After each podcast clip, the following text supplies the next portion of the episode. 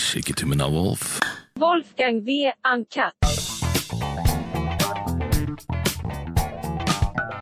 Jeg sa at jeg jobba i PR-bransjen, men der penga tjenes i PR-bransjen Det ene er å skaffe oppmerksomhet, men så ligger det jo forferdelig mye penger. Og de store pengene det ligger jo i alt du ikke skal snakke om. I å definere det. Ja. Og si liksom hvordan, Hvis han stiller deg det spørsmålet, hvordan skal du slippe å svare på det? Hvis han tar opp den historien, hvordan skal du slippe å unnslippe den? Sant? Altså, det er jo den der sånn at du bare kommer Det er jo liksom Så PR-bransjen er jo egentlig helt feil ord.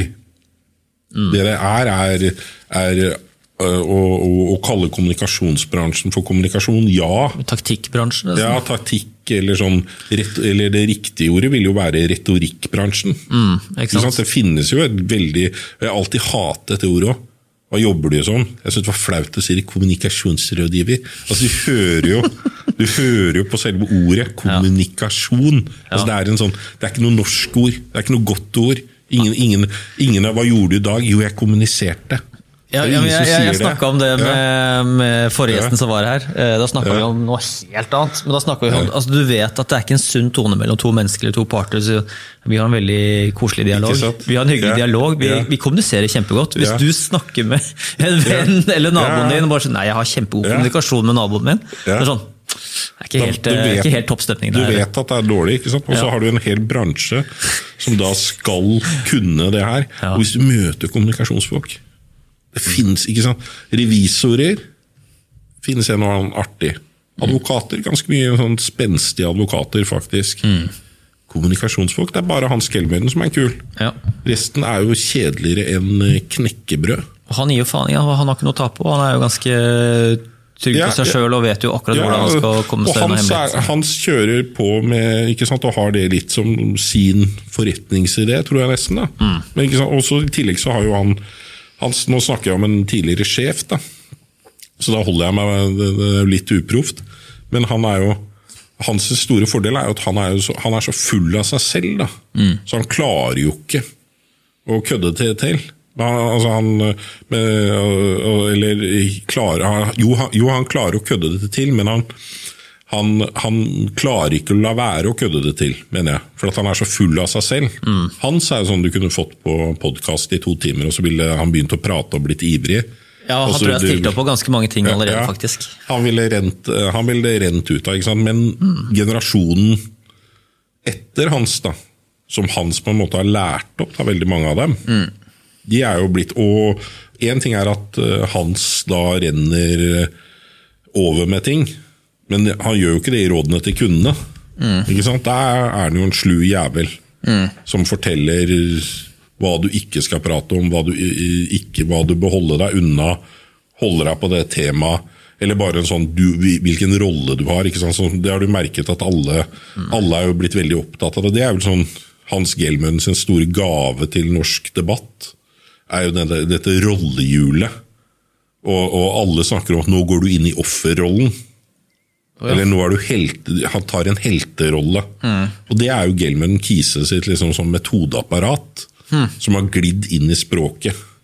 I en sånn, og som er blitt en sånn der Nå skal du ta en helterolle. Eller, og det er jo Alle kommunikasjonsbyråene lager jo sine versjoner av dette rollehjulet. Og jeg òg, når jeg nå er helt solo, da. Det makes sense, da, for Ja. det er jo Med en gang du ser sånn spesielt sånne der, eh, offentlige skal vi si, sånn forvaltninger og bedrifter, så er det sånn der, eh, at de ikke stiller opp til intervju når de liksom blir tatt for et eller annet. Da, noen ledere som har eh, underslått noe, eller det er et katastrofe eller en krise internt, eller misnøye, eller at det er noen millioner som er borte. og sånn, så er det sånn Nei, vi, vi ønsker ikke å stille til intervju. Ja. Og, og de snor seg, du bare merker at hvis de først stiller opp med et eller annet, at de Ja. skriver noe, så man merker at det her er bare plotta ut av at de har vært innom et sånt eh, PR-kommunikasjonsbyrå da, og så har fått hjelp der. Altså det første er jo det offentlige må jo for faen meg stille opp hos det offentlige for å svare for seg hva som er skjedd her. Altså Man kan jo ikke bare stikke man kan ikke, så Jeg skjønner at private sjapper kan gjøre hva faen de vil. De trenger ikke å svare for noen, egentlig. Ja. Men det offentlige må jo svare for kritikk Ja. av, hos presten. da. Og det andre er jo at de går rett i her, eh, at offentlig Ja. bruker penger på å beskytte seg selv. Sånn som eh, Norges idrettsforbund har sikkert brukt masse PR eh, og kommunikasjonsrådgivere rundt det bråket de hadde. da. Ja. Kan jeg se for meg? Ja, det er De jobber hele Altså, det er Det er masse, og det er jo viktig Altså, det er blitt viktig. Men det er sånn som jeg sa Det sa jeg til eh, noen andre PR-rådgivere, for der pleier man Ofte så sier kommunikasjonsbransjen at bedre, bedre kommunikasjon gir bedre beslutninger. Og dermed liksom skal liksom kommunikasjonsbransjen eh, være Men altså jeg tror kommunikasjonsbransjen er jo et sånn kjempegodt eksempel på en bransje som er bedriftsøkonomisk lønnsom, men samfunnsøkonomisk katastrofal. Da, men da sier jeg ikke bare kommunikasjons- eller reklamebyråer. Dette, altså da, da må du legge til alle kommunikasjonsavdelingene. Ikke sant? Altså, og så får du en sånn derre eh, en, i, i, i, Jobber du i private bedrifter, så skal du egentlig holde kjeft om alt utenom det som fremmer omsetningen og resultatet.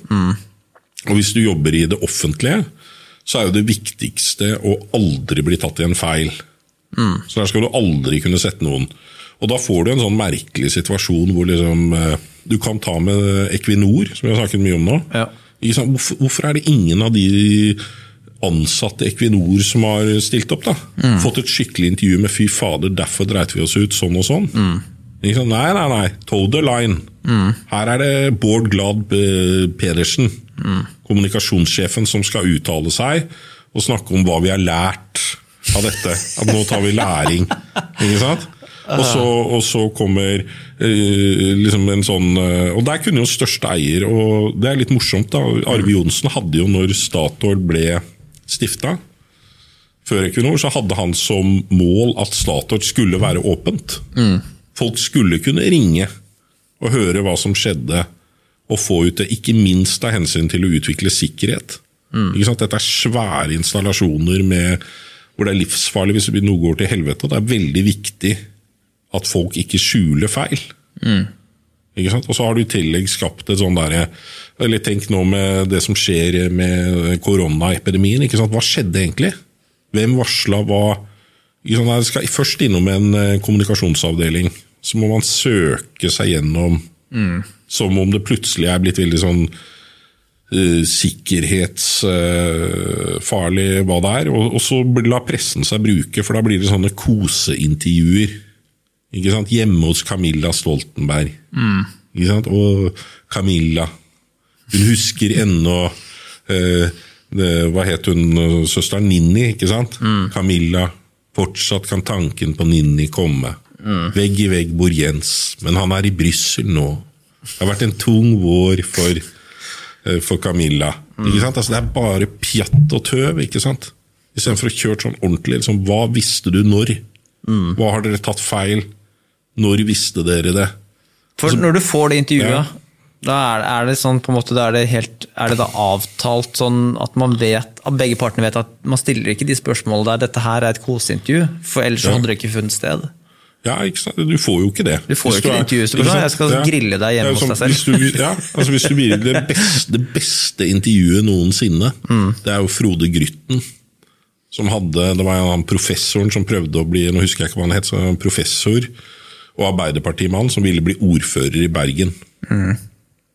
Og Så skriver Frode Grytten et helt fantastisk portrettintervju om hvordan denne personlige rådgiveren eller politiske rådgiveren til ordføreren, liksom, eh, eller til ordførerkandidaten, eh, liksom skal plassere ham i pressen og få ham til å fremstå sånn og sånn. Og der bryter Frode Grytten bryter kontrakten. For at det er liksom underforstått at når du blir invitert med på dette, så skal ikke du skrive om om eh, regien og opplegget rundt. Og det gir da Frode Grytten faen i, og bare avslører det pinlige teatret og han oppblåste gjøken som skal prøve å bli ordfører, og viser sin forakt for det. Og Han trekker seg jo senere fra politikken og føler seg mobba. Og det er, sånn? Og det er det samme som nå det er det samme som man egentlig burde dekke med Statoil. ikke sant? Burde, eller Equinor og si liksom hvor regissert er dette? Hvor oppsatt er Ja, og, og, virkelig gi Før du skal intervjue statsministeren, så burde du ha fortalt om hvordan går det gjennom spørsmålene. Hva sier hun om eh, sitatsjekken?